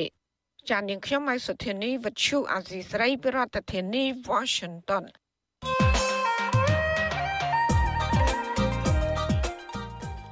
បាទលោកនាងជាទីមេត្រីក្រុមអ្នកតាមដានកិច្ចការសង្គមលើកឡើងថាលោកនាយករដ្ឋមន្ត្រីហ៊ុនសែនបានដឹកនាំប្រទេសស្ថិតនៅក្រោមការគ្រប់គ្រងនិងជាអធិបុលរបស់នយោបាយចិនកុម្មុយនីសបាទប៉ុន្តែក្រោយពីលោកហ៊ុនសែនបានជួបជាមួយមេដឹកនាំសហរដ្ឋអាមេរិកនិងចិននាឱកាសកម្ពុជារៀបចំកិច្ចប្រជុំកំពូលអាស៊ានកាលពីពេលថ្មីថ្មីនេះលោកហ៊ុនសែនអះអាងថាកម្ពុជាមិនមែនជាកូនជើងរបស់ប្រទេសមហាអំណាចណាមួយឡើយ។ ថាតើលោកហ៊ុនសែនពិតជាមិនមែនកូនជឹងរបស់ប្រទេសមហាអំណាចណាមួយដោយដែលលោកអះអាងនេះឬមួយក៏យ៉ាងណាបាទសំលោកអ្នកនាងរងចាំស្ដាប់នីតិវេទិកាអ្នកស្ដាប់វិទ្យុអាស៊ីសេរីនៅយប់នេះកុំបីខានបាទប្រសិនបើលោកអ្នកនាងចង់បញ្ចេញមតិឬមួយក៏មានសំណួរសាកសួរវាទៅកាន់វាគ្មិនរបស់យើងលោកអ្នកនាងអាចដាក់លេខទូរស័ព្ទនៅក្នុងខ្ទង់ comment Facebook និង YouTube របស់ Vuthu Azizi Serai បាទក្រុមការងាររបស់យើងនឹងហៅទៅលោកអ្នកនាងវិញបាទសូមអរគុណ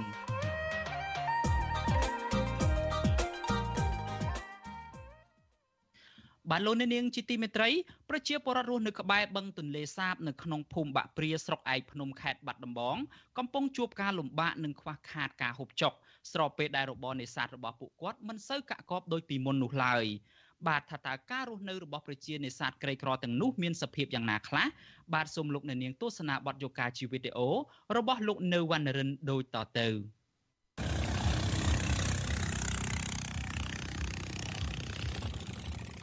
ពលរដ្ឋរស់នៅក្នុងភូមិបាក់ព្រាឃុំព្រៃចាស់ស្រុកឯកភ្នំ អ្នកស្រីវឿនចម្ប៉ាកំពុងមានជីវភាពខ្វះខាតដោយសារតែមិនមានអ្នកជួយរកចំណូល បានទៀងទាត់ដើម្បីមកផ្គត់ផ្គង់ជីវភាពគ្រួសារប្តីលោកស្រី មានវ័យជាង65ឆ្នាំ ហើយកាយសម្បទានមិនរឹងមាំប៉ុន្តែត្រូវបង្ខំចិត្តស៊ីឈ្នួលយាមទូឲ្យគេ ដោយសារតែការនេសាទត្រីមិនទទួលផលដោយការពីមុន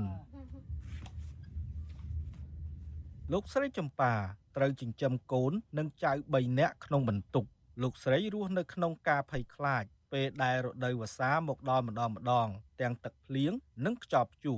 លោកស្រីឲ្យដឹងថាពេលភ្លៀងម្ដងម្ដង លោកស្រីនិងកូនមិនសូវបានគេងគ្រប់គ្រាន់នោះទេ ដោយសារតែផ្ទះរបស់ខ្លួន មានសភាពទ្រុឌទ្រោមបញ្ហាមិនមានជំរកត្រឹមត្រូវស្របពេលការនេសាទត្រីមិនបាន ធ្វើឲ្យលោកស្រីជួបការលំបាកគ្មានស្បៀងសម្រាប់បរិភោគគ្រប់គ្រាន់នៅក្នុងគ្រួសារ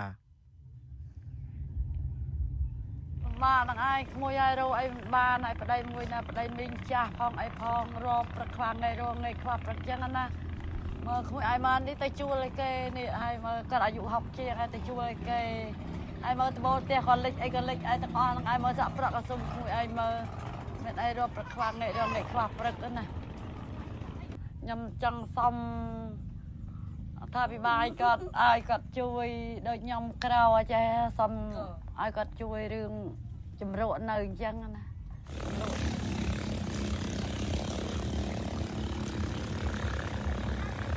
ភូមិបាក់ព្រាស្ថិតនៅក្នុងឃុំព្រៃចាស់ខេត្តបាត់ដំបង មានប្រជាពលរដ្ឋជាង400គ្រួសារដែលរស់នៅលើផ្ទះបណ្ដែតទឹកក្នុងតំបន់ទន្លេសាប ហើយមុខរបរប្រចាំថ្ងៃ គឺការនេសាទត្រី សម្រាប់បរិភោគនិងយកទៅលក់នៅលើទីផ្សារប៉ុន្តែរយៈពេលជាង4ឆ្នាំមកនេះប្រជាពលរដ្ឋដែលតែងតែអាស្រ័យលើការនេសាទនេះកំពុងជួបការលំបាកដោយសារតែគ្មានត្រី។ ការប្រកបអាជីពជាអ្នកនេសាទត្រីមិនសមប្រកបដូចមុនធ្វើឲ្យប្រជាពលរដ្ឋជាង90%ក្នុងចំណោមពលរដ្ឋជាង400គ្រួសារបារម្ភពីជីវភាពខ្វះខាត ជាពិសេសអ្នកមានជីវភាពក្រីក្រកាន់តែជួបការលំបាកគ្មានទីពឹង ស្របពេលដែលពួកគាត់គ្មានដីស្រែចម្ការសម្រាប់ធ្វើដំណាំ ឬធ្វើស្រូវដោយពលរដ្ឋដទៃដែលរស់នៅតំបន់ដីគោក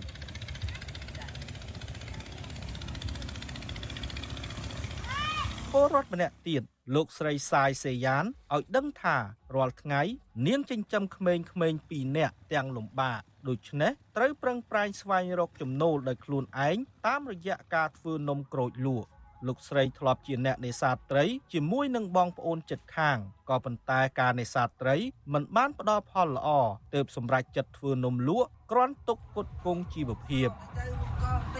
6000នៅក្រាន់មហូបមហាក្រាន់ថាវាទៅរៀនចឹងសឹងតែដាច់លុយទៅរៀនទៀតកូនវានេះចាំមើលវាចូលថ្នាក់ធំទៅកាន់ស្ដាច់លុយរៀនហើយយើងឲ្យវាមួយថ្ងៃឲ្យវា2000ហូបគ្រប់ដែររៀនរៀនពឹកនេករៀនមិនគ្រប់ទេ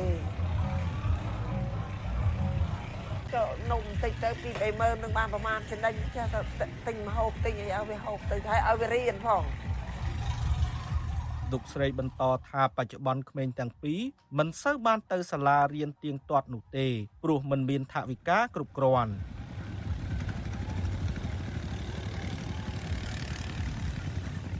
តំបន់ភូមិបាក់ព្រាធ្លាប់តែជាកន្លែងដែលពលរដ្ឋមានជីវភាពល្អប្រសើរពីការនេសាទត្រី ហើយក្មេងភៀកច្រើន មានឱកាសបន្តការសិក្សា បានថ្នាក់ខ្ពស់រហូតមានការងារធ្វើជាបន្តបន្ទាប់ ប៉ុន្តែរយៈពេលជាច្រើនឆ្នាំកន្លងមកនេះអត្រាការនេសាទត្រី បានធ្លាក់ចុះដែលធ្វើឲ្យបាត់បង់ប្រភពចំណូលជាង90%ខណៈដែលអាណាព្យាបាលភៀកច្រើន បង្ខំចិត្តឲ្យកូន បញ្ឈប់ការសិក្សាព្រោះគ្មានលទ្ធភាពមេឃុំប្រៃចាស់ស្រុកឯកភ្នំ លោកអ៊ុយណារុង ប្រាប់វិទ្យុអាស៊ីសេរីថាបញ្ហាខ្វះខាតស្បៀងរបស់ប្រជាពលរដ្ឋនេះជាបញ្ហាប្រឈមដែលអាជ្ញាធរពាក់ព័ន្ធកំពុងតែដោះស្រាយជាបណ្ដាបណ្ដាចំណែកពលរដ្ឋដែលខ្វះខាតខ្លាំងអាជ្ញាធរបានផ្ដល់បានក្រីក្រ ដែលអាចដោះស្រាយជីវភាពបានមួយកម្រិតទោះជាយ៉ាងនេះក្តីលោកអះអាងថាបញ្ហាខ្វះខាតនេះមិនទាន់ធ្ងន់ធ្ងរនៅឡើយទេព្រោះតែមានក្រុមសប្បុរសជនចែកអំណោយជាហូរហែពេលមានបុណ្យទានម្ដងម្ដង ជាជនខ្ញុំនៅនេះក្រីក្រនិយាយទៅគឺវាតិចដែរភាគរយបើនិយាយពីកាត់អ្នកដែលទទួលបានក្រីក្រនោះវាចង់អស់ចង់គ្រប់គ្នាគាត់រាល់ថ្ងៃបើធ្វើតែនេសាទត្រីមិនទៅបានមែនប៉ុន្តែឧបករណ៍នេសាទរបស់គាត់គាត់អាចរកក្រៅពីនឹងទៀត តែនៅរដូវដែលទឹកវិលមកវិញសម្រកស្រកនេះគឺគាត់អាចរកបានត្រីក្នុងមួយថ្ងៃ10គីឡូទៅ20គីឡូទេរស់ដែលគាត់រកលបរេសទូចរេអីក្នុងរយៈពេល1ខែកន្លងមកនេះ ខេត្តបាត់ដំបងបានប្រឈមនឹងបញ្ហាទឹកជំនន់បណ្ដាលមកពីកំណើនទឹកភ្លៀងនិងការបើកទំនប់ទឹកដែលបង្កផលប៉ះពាល់ដល់ប្រជាពលរដ្ឋរស់នៅតាមតំបន់ទំនាបនិងតំបន់ក្បែរបឹងទន្លេសាបពលរដ្ឋភៀសច្រើនបង្ខំចិត្តផ្លាស់ទីទៅរកកន្លែងសុវត្ថិភាពឬចងក្បូនបណ្ដែតនៅលើទឹកពួកគេជួបបញ្ហាខ្វះខាតស្បៀងអាហារបន្ថែមពីលើជីវភាពកំពុងតែខ្វះខាតស្រាប់ ទន្ទឹមគ្នានោះដែរពួកគាត់ក៏ប្រឈមនឹងបញ្ហាហានិភ័យដល់អាយុជីវិត ដែលបណ្ដាលមកពីការលង់ទឹកជំងឺដង្កាត់និងសត្វអាសេរពិសផងដែរខ្ញុំបាទនៅវណ្ណរិន with Chu Azizi Saray ពីរដ្ឋធានី Washington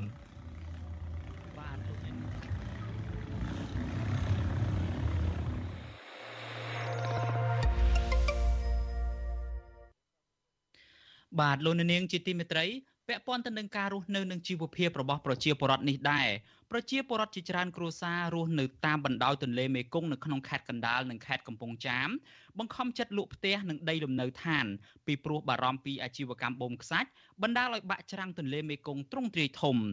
អ្នកភូមិអះអាងថាច្រាំងទន្លេមេគង្គប្រវែង3គីឡូម៉ែត្រនៅក្នុងស្រុកខ្សាច់កណ្ដាល និងស្រុកស្រីសន្ធរបន្តបាក់ស្រុតជារៀងរាល់ឆ្នាំបណ្ដាលឲ្យផ្ទះសម្បែងប្រជាពលរដ្ឋជាច្រើនខ្នងបាក់ស្រុតចូលទៅក្នុងទន្លេបាទសូមលោកអ្នកនាងរងចាំស្ដាប់សេចក្តីរាយការណ៍នេះពឺស្ដានៅក្នុងការផ្សាយរបស់យើងនៅព្រឹកស្អែកបាទលោកអ្នកនាងជាទីមេត្រីលោកអ្នកនាងទើបតែបានស្ដាប់នឹងទស្សនាព័ត៌មានប្រចាំថ្ងៃដែលជម្រាបជូនដោយខ្ញុំបាទយ៉ងច័ន្ទដារាបាទជាបន្តទៅទៀតនេះសូមលោកអ្នកនាងស្ដាប់នីតិវេទិកាអ្នកស្ដាប់វិទ្យុអាស៊ីសេរីតាក់ទងទៅនឹងថាតើលោកហ៊ុនសែនដឹកនាំប្រទេស ដោយមិនស្ថិតនៅក្រោមអធិបុលប្រទេសមហាអំណាចណាមួយឬមួយក៏យ៉ាងណានោះបាទកម្មវិធីនេះសម្របសម្រួលដោយលោកទីនសាការីយ៉ា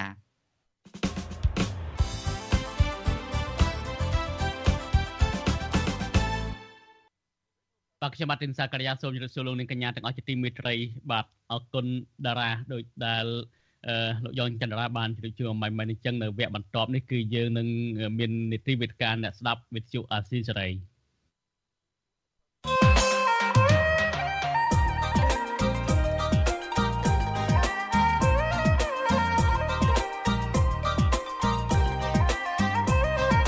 វេទិកាអ្នកស្ដាប់វិទ្យុអាស៊ីសេរី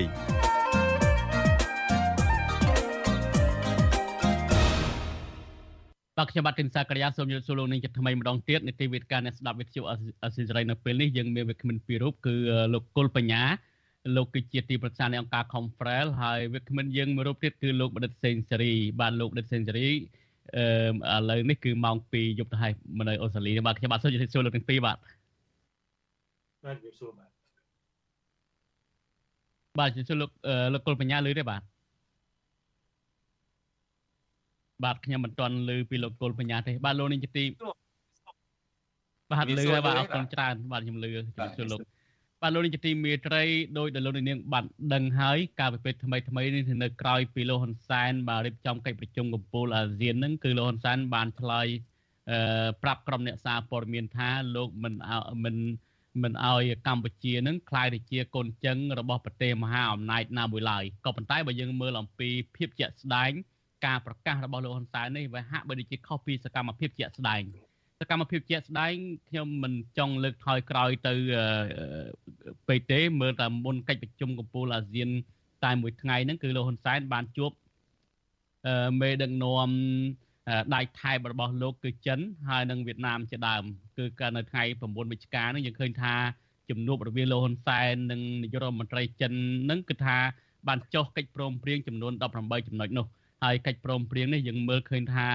មានទាំងការពង្រឹងទំនាក់ទំនងទាំងវិស័យសេដ្ឋកិច្ចហើយនឹងអ្វីដែលជាការគួរចាប់អារម្មណ៍ថែមទៀតហ្នឹងគឺថាលោកហ៊ុនសែនបាន ដាក់បញ្ចូលភាសាចិនទៅក្នុងកម្មវិធីអប់រំរបស់កម្ពុជាថែមទៀតផង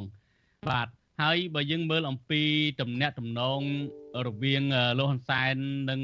ជំនួបរវាងលោកហ៊ុនសែននិងលោកโจ Biden វិញគឺឃើញថាវាហាក់បីដូចជាខុសគ្នាលោកโจ Biden ហាក់បីដូចជាមិនបានស្នើអ្វីថាដាក់ភាសាអង់គ្លេសអីនៅក្នុងកម្មវិធីសិក្សារបស់កម្ពុជាអីទេប៉ុន្តែអ្វីដែលសំខាន់នោះការដែលស្នើរបស់លោកโจ Biden គឺទៅតាមបំណងប្រាថ្នារបស់បរដ្ឋទៅវិញ បំណងប្រាថ្នាទី1គឺយើងឃើញថាលោកโจ Biden ហ្នឹងគឺបានលើកឡើងអំពីកង្វល់អំពីមូលដ្ឋានតបចិននៅរៀមបញ្ហាអ្វីដែលបរដ្ឋកំពុងតែស្រែកឃ្លានទៀមទាចង់បាននៅពេលបច្ចុប្បន្ននេះគឺថាការបើកលំហសិទ្ធិបរដ្ឋនិងសិទ្ធិរបស់អង្គការសង្គមស៊ីវិលហើយដោះលែងអ្នកទោសមនសិការហើយនឹងដោះលែងមេធាវីសញ្ជាតិអាមេរិកកាំងគឺកញ្ញាសេងធារីអីចឹងជាដើម បាទនៅក្នុងដំណាក់កាលនេះខ្ញុំចង់ជម្រាបសួរទៅលោកវិក្កាមិនទាំងពីរថាតើនៅក្នុងដំណាក់កាលនេះតើលោកហ៊ុនសែនពិតជាមិនអនុញ្ញាតឲ្យកម្ពុជានឹងក្លាយជាកូនចឹងរបស់ប្រទេសណាមួយដែលទេយើងមិនបាច់លើកពីប្រទេសណាទេយើងលើកតែពីមហាអំណាចទាំងពីរនេះគឺរវាងចិននិងសហរដ្ឋអាមេរិកនោះបាទខ្ញុំជុំសូមទាញការចាប់អារម្មណ៍ពីលោកដិតសេនស៊ូរីមុនគេចុះបាទបាទសូមអនុញ្ញាតជម្រាបសួរលោកគុលបញ្ញាហើយ សួស្តីលោកសាកាយាអ្នកសម្របសម្រួលសូមជម្រាបសួរបងប្អូនអ្នកស្ដាប់អាស៊ីសេរីអឺបើយើងពិនិត្យមើលការប្រជុំកំពូលអាស៊ាននេះយើងបែងចែកជាពីរធំធំទី1គឺការប្រជុំពហុភាគីដែលផ្ដោតសំខាន់ទៅលើរបៀបវរៈនៃការនៃទំនាក់ទំនងអាស៊ានជាមួយនឹងបណ្ដាប្រទេសមហាអំណាចហើយក្នុងនោះក៏រួមទាំង បញ្ហាដែលកើតឡើងនៅក្នុងតំបន់ Indo-Pacific ជាពិសេសសមុទ្រចិនត្បូងហើយយើងឃើញថានៅក្នុងការប្រជុំពហុភាគីនេះយើងឃើញមានការចោទលេខាទៅលើឯកសារសំខាន់សំខាន់នៃកិច្ចព្រមព្រៀងប្រមាណជាជាង110កិច្ចព្រមព្រៀងដោយឡែកបើយើងមើលកិច្ចប្រជុំទ្វេភាគីយើងឃើញថាកិច្ចប្រជុំរវាងចិនជាមួយនឹងភាគីកម្ពុជាកិច្ចប្រជុំសហរដ្ឋអាមេរិកជាមួយនឹង កម្ពុជាហើយក៏មានបណ្ដាប្រទេសផ្សេងផ្សេងទៀតក៏ប៉ុន្តែទោះបីយ៉ាងណាក៏ដោយយើងក៏សង្កេតឃើញថាអ្វីដែលគេចាប់អារម្មណ៍ជាងគេនោះគឺគេឃើញការប្រជុំជាទ្វេភាគីរវាងភាគីកម្ពុជាជាមួយនឹងសហរដ្ឋអាមេរិកដែលសហរដ្ឋអាមេរិកបានស្នើឡើងទៅលើចំណុចសំខាន់សំខាន់ចំនួន3ចំណុចដែលកម្ពុជាគួរតែពិចារណាដើម្បីដោះស្រាយខ្ញុំចង់ជម្រាបជូនបងប្អូនអ្នកស្ដាប់ថា តំបន់ Indo-Chin តំបន់អាស៊ានបច្ចុប្បន្ននេះត្រូវបានប្រទេសមហាអំណាចជាពិសេសប្រទេសលោកសេរីនឹងចាត់ទុកថាជាបេះដូងយុទ្ធសាស្ត្រនៃតំបន់អាស៊ីប៉ាស៊ីហ្វិកអញ្ចឹងតំបន់អាស៊ានបានคล้ายទៅជាកតាលីករឬក៏បានคล้ายទៅជាឧបករណ៍នយោបាយការទូតមួយដ៏សំខាន់របស់ប្រទេសមហាអំណាចហើយអ្វីដែលសំខាន់នោះគឺ បើសិនជាបើយើងមើលអំពីការប្រកួតប្រជែងអំណាចយោធាសេដ្ឋកិច្ចរវាងចិនហើយនិងអាមេរិកនេះប្រទេសមហាអំណាចណាមួយដែលអាចចាប់យកតំបន់អាស៊ានបានច្រើនជាងគេឬក៏មានឥទ្ធិពលច្រើនជាងគេនៅក្នុងតំបន់អាស៊ានវាស្មើនឹងប្រទេសនោះមានឥទ្ធិពលឬក៏ឈ្នះនៅការប្រកួតប្រជែងអំណាចនៅក្នុងតំបន់ Indo-Pacific ដូច្នេះហើយមួយរយៈចុងក្រោយនេះយើងឃើញថាអាស៊ានបាន បង្កើននៅតម្លៃឬក៏បង្កើននៅកម្លាំងនយោបាយនៅក្នុងការធ្វើយ៉ាងណាដើម្បីឲ្យប្រទេសមហាអំណាចនឹងអាចងាកមកជជែកឬក៏ចរចាគ្នាបានដែរមិនដែលកើតមាននៅក្នុងប្រវត្តិសាស្ត្រនោះទេកន្លងមកនោះតំបន់អាស៊ានហ្នឹងគឺត្រូវត្រូវបានគេបែងចែកទៅជាប្រទេសតូចតូចហើយប្រទេសនីមួយៗហ្នឹងបានคล้ายទៅជាគេហៅថាคล้ายទៅជាតំបន់នៅក្នុងការ ប្រកួតប្រជែងមនោគមវិជ្ជានៅក្នុងសម័យសង្គ្រាមត្រជាក់ឯជាដើមដូច្នេះសម្រាប់ខ្ញុំបើយើងមើលនៅក្នុងកម្រិតទ្វេភាគីយើងឃើញថារបៀបនៅក្នុងការជជែកទ្វេភាគីរវាងចិនកម្ពុជា គឺមានវិធីផ្សេងហើយរបៀបនៅក្នុងការជជែករវាងកម្ពុជាជាមួយនឹងសហរដ្ឋអាមេរិកនេះគឺផ្ដោតទៅលើរបៀបវរៈផ្សេងបាទបាទបាទអរគុណច្រើនបាទងាកទៅលោកគុលបញ្ញាវិញអឺ អញ្ចឹងទាញមកពីអ្វីដែលលោកហ៊ុនសែនបានប្រកាសថាកម្ពុជានៅតែរក្សាចំហនយោបាយឯករាជ្យអព្យាក្រឹតនឹងតើអាចទៅរួចទេតើដូចពីនេះទៅមុខនឹងអាចថាដោយតែលោកហ៊ុនសែនប្រកាសនេះដែរទេបាទអឺមើលទៅមើលទៅបញ្ហាខ្ញុំយល់ឃើញថាប្រទេសចិននៅតែមានឥទ្ធិពលខ្លាំងនៅកម្ពុជា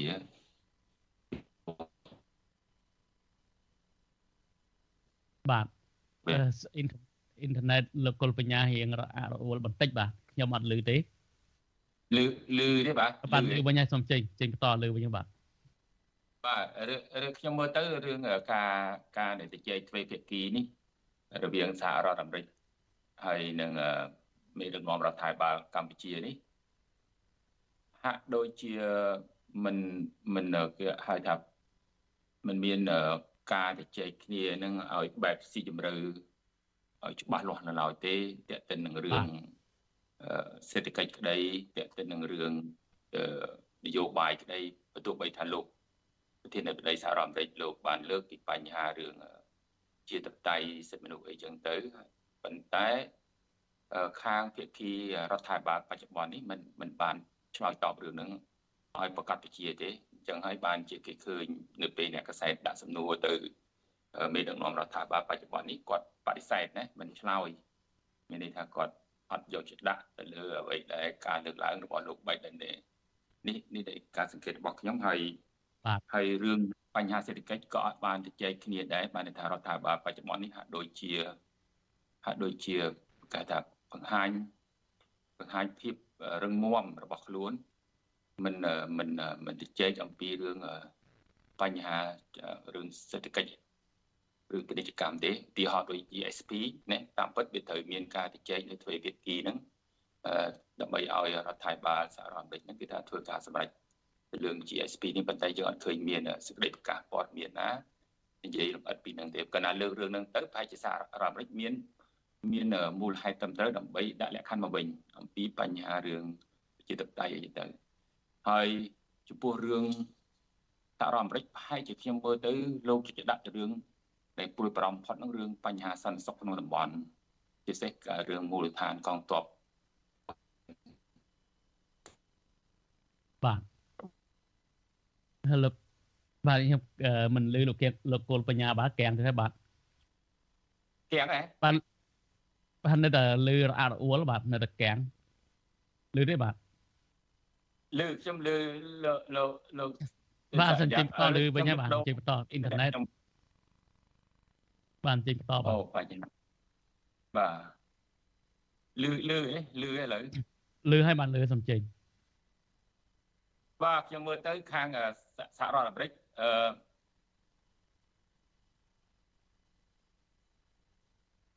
បាទអឺ បាទលោកគុលបញ្ញាលោកអាចបិទវីដេអូទៅព្រោះអ៊ីនធឺណិតខាងលោកខ្សោយលឺមួយម៉ាត់មួយម៉ាត់ក៏ដាច់ទៅ បាទដោយលោកគុលបញ្ញាបានលើកឡើងមិនលឺទេសាខាងបច្ចេកទេសបញ្ចប់លោកម្ដងទៀតបាទបាទដោយលោកគុលបញ្ញាបានលើកឡើងថាមេដឹកនាំកម្ពុជាមិនបានជជែកអំពីអឺបញ្ហាពាណិជ្ជកម្មអីចឹងជាដើមតទៅនឹងអាមេរិកក៏ប៉ុន្តែបើយើងមើលអំពីភាពជាក់ស្ដែង ការធ្វើពាណិជ្ជកម្មរវាងអាមេរិកហើយនិងកម្ពុជានឹងទំហំពាណិជ្ជកម្មគឺមានការកើនឡើងដល់ទៅ61%នៅខណៈដែលចិនកំពុងតែសេដ្ឋកិច្ចដាំក្បាលចុះហ្នឹងគឺថាទំហំពាណិជ្ជកម្មដែលរវាងអាមេរិកគឺមានទំហំជាង6000លានដុល្លារនៅហើយចិននៅរយៈពេលត្រីមាសទី1ដើមឆ្នាំ2022ដូចគ្នាហ្នឹងគឺកើនបានតែ30%គឺពីភាពឆ្នាំ2021គឺថយចុះទៅវិញបាទ ខ្ញុំចង់ងាកទៅលោកបណ្ឌិតសេងសេរី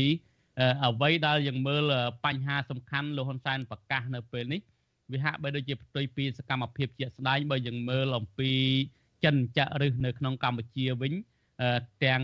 វិស័យយោធាវិស័យពាណិជ្ជកម្មឥឡូវនេះយើងឃើញថាខាងបច្ចេកវិទ្យាទំនើបហ្នឹងគឺមានទាំងខាងប្រព័ន្ធផ្សព្វផ្សាយអីចឹងជាដើមហើយ អ្នកនយោបាយខ្មែរមួយចំនួនហ្នឹងក៏បញ្ជូនកូនចៅទៅរៀននៅចិនឬក៏មកវិញក៏បានធ្វើធំអីចឹងជាដើមយើងឃើញថាតើអាចទៅរួចទេដែលដែលលោកហ៊ុនសែនអាចដកខ្លួនឲ្យកម្ពុជាឯករាជ្យនោះបាទអឺបើយើងមើលតលេខមើលទៅក្រោយបន្តិចយើងឃើញថាទំនាក់ទំនងចិនជាមួយនឹងកម្ពុជាហ្នឹងអឺ ចាប់ផ្ដើមតាំងពីសម័យសង្គមរាជនិយមជាពិសេសអឺសម្ដេចព្រះបរមកោដ្ឋនរោត្តមសីហនុទំនាក់ទំនងរវាងចិនកម្ពុជានេះយើងឃើញថាអឺមានភាពស្អិតរមួតក៏ប៉ុន្តែមួយរយៈក្រោយមកក៏ហាក់ដូចជាមានបញ្ហាច្រើនហើយទឹកចិននឹងត្រូវបានចោទថានៅពីខាងក្រោយរបបខ្មែរក្រហមដែលជារបបបល្ល័ង្កពុយសាយជាដើម ក្រោយពីឆ្នាំ79រហូតមកដល់ឆ្នាំ2010ឆ្នាំ2010បានយើងឃើញប្រទេសចិននឹងចាប់ផ្ដើមអនុវត្តនគោលនយោបាយគេហៅខ្សែក្រវ៉ាត់មួយផ្លូវមួយខ្សែក្រវ៉ាត់មួយ BRI ហើយក្នុងនោះយើងឃើញប្រទេសចិននឹងបានចាក់លុយច្រើនណាស់នៅក្នុងគម្រោង BRI ក្នុងហ្នឹងគឺភ្ជាប់ទាំងកម្ពុជាផងអ្វីដែលអ្វីដែលគួរឲ្យចាប់អារម្មណ៍ហ្នឹងគឺបើយើងមើលពីពី approach យើងមើលពីវិធីនៅក្នុងការផ្ដល់ជំនួយរបស់ចិនហ្នឹងយើងឃើញថាចិនប្រើវិធីមួយគេហៅ G2G G2G គឺ government to government ដែលពាផ្ទុយអំពីប្រទេសលោកសេរីមួយចំនួនហ្នឹងគឺប្រើទាំង G2G ហើយប្រើទាំង G2P មានន័យថា government to people អញ្ចឹងហើយប្រទេសលោកសេរីតែងតែប្រើវិធីសាស្ត្រមួយគេហៅថាគៀ ធ្វើម៉េចគម្រោងអភិវឌ្ឍទាំងអស់ហ្នឹងត្រូវតែបានទទួលផលប្រយោជន៍ទាំងអស់គ្នាហើយការសម្រេចចិត្តហ្នឹងត្រូវតែមានភាគីពាក់ព័ន្ធរួមទាំងពលរដ្ឋផងក៏ប៉ុន្តែដោយឡែកប្រទេសចិនហ្នឹងតែងតែផ្ដល់នៅជំនឿអវត្តដោយសំខាន់ទៅលើរដ្ឋាភិបាលក្នុងការសម្រេចចិត្តអញ្ចឹងហើយយើងឃើញថាចិនហ្នឹងហាក់ដូចជាមាន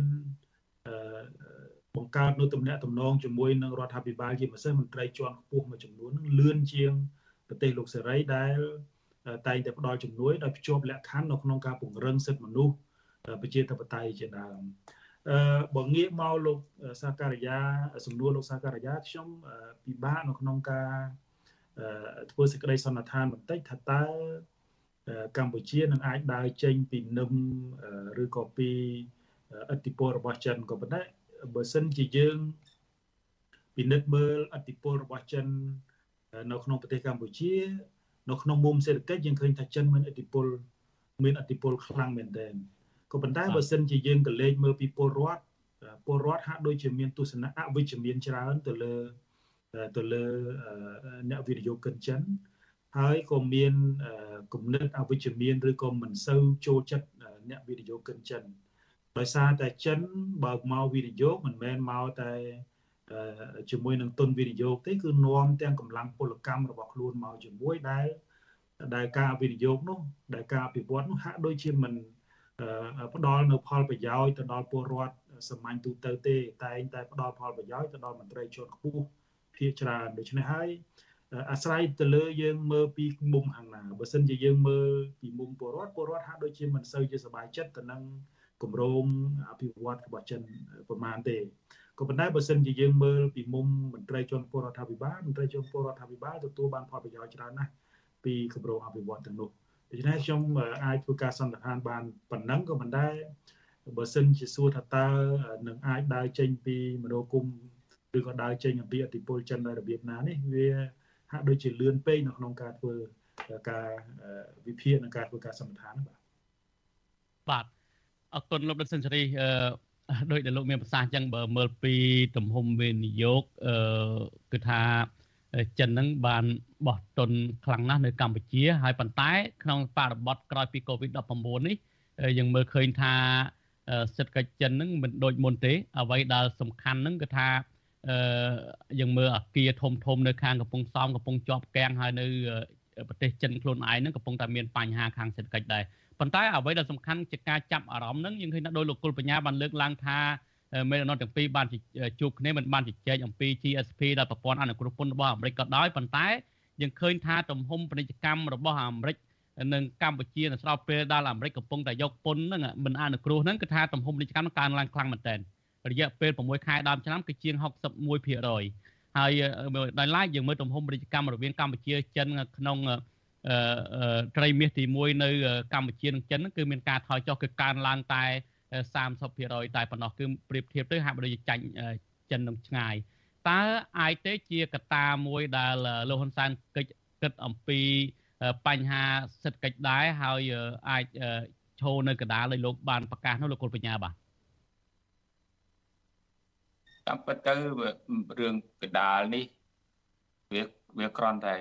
ចង់បង្ហាញរូបភាព តាមពិតគាត់ចង់បានរូបភាពដែរតាមការដឹកនាំប្រទេសនឹងវាចង់បានរូបភាពថាខ្លួននឹងឯករាជ្យខ្លួននឹងគឺថាអឺរឹងមាំខ្លួនឯងអានេះជាជាជាគេហៅថា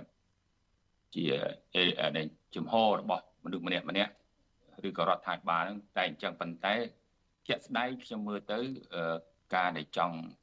ចង់បានឯករាជ្យអធិបតេយ្យភាពពេញលេញនេះមិនមិនបានទេដោយសារដោយសារតែ បញ្ហាត្រង់ថាគាត់គាត់អត់ហ៊ានឲ្យស៊ីជម្រៅក្នុងការធ្វើការតំណាក់តំណងធ្វើការសេចក្តីស្វ័យបត្តិការឬក៏ឬក៏បាទយើងសំខាន់លោកបញ្ញាបន្តិចបាទសូមលាលោកនេះដែលកំពុងស្ដាប់តាមវិទ្យុឬក៏រលកធាតុអាកាសខ្លីនឹងនឹងមិនលឺការផ្សាយរបស់យើងទេបាទសម្រាប់លោកនេះកំពុងទស្សនាជាមួយយើងតាម Facebook YouTube នោះនឹងចេញបន្តទៀតបាទ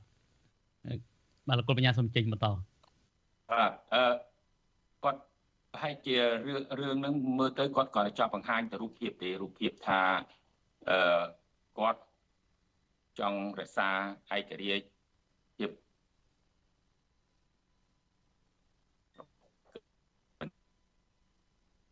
បាទប៉ុន្តែបាទលោកគុលបញ្ញាខ្ញុំសោកស្ដាយមែនតើលោកកំពុងមានប្រសាសន៍កំពុងតែចាប់អារម្មណ៍ប៉ុន្តែមិនលឺទៀតទេដាច់ទៅវិញទៅ លឺបាទលឺដាច់ដាច់ហ៎បាទខាងបច្ចេកទេសអាចសុំភ្ជាប់លោកគុលបញ្ញាតាមទូរស័ព្ទបានទេបាទសុំភ្ជាប់តាមទូរស័ព្ទវិញលោកគុលបញ្ញាអ៊ីនធឺណិតដូច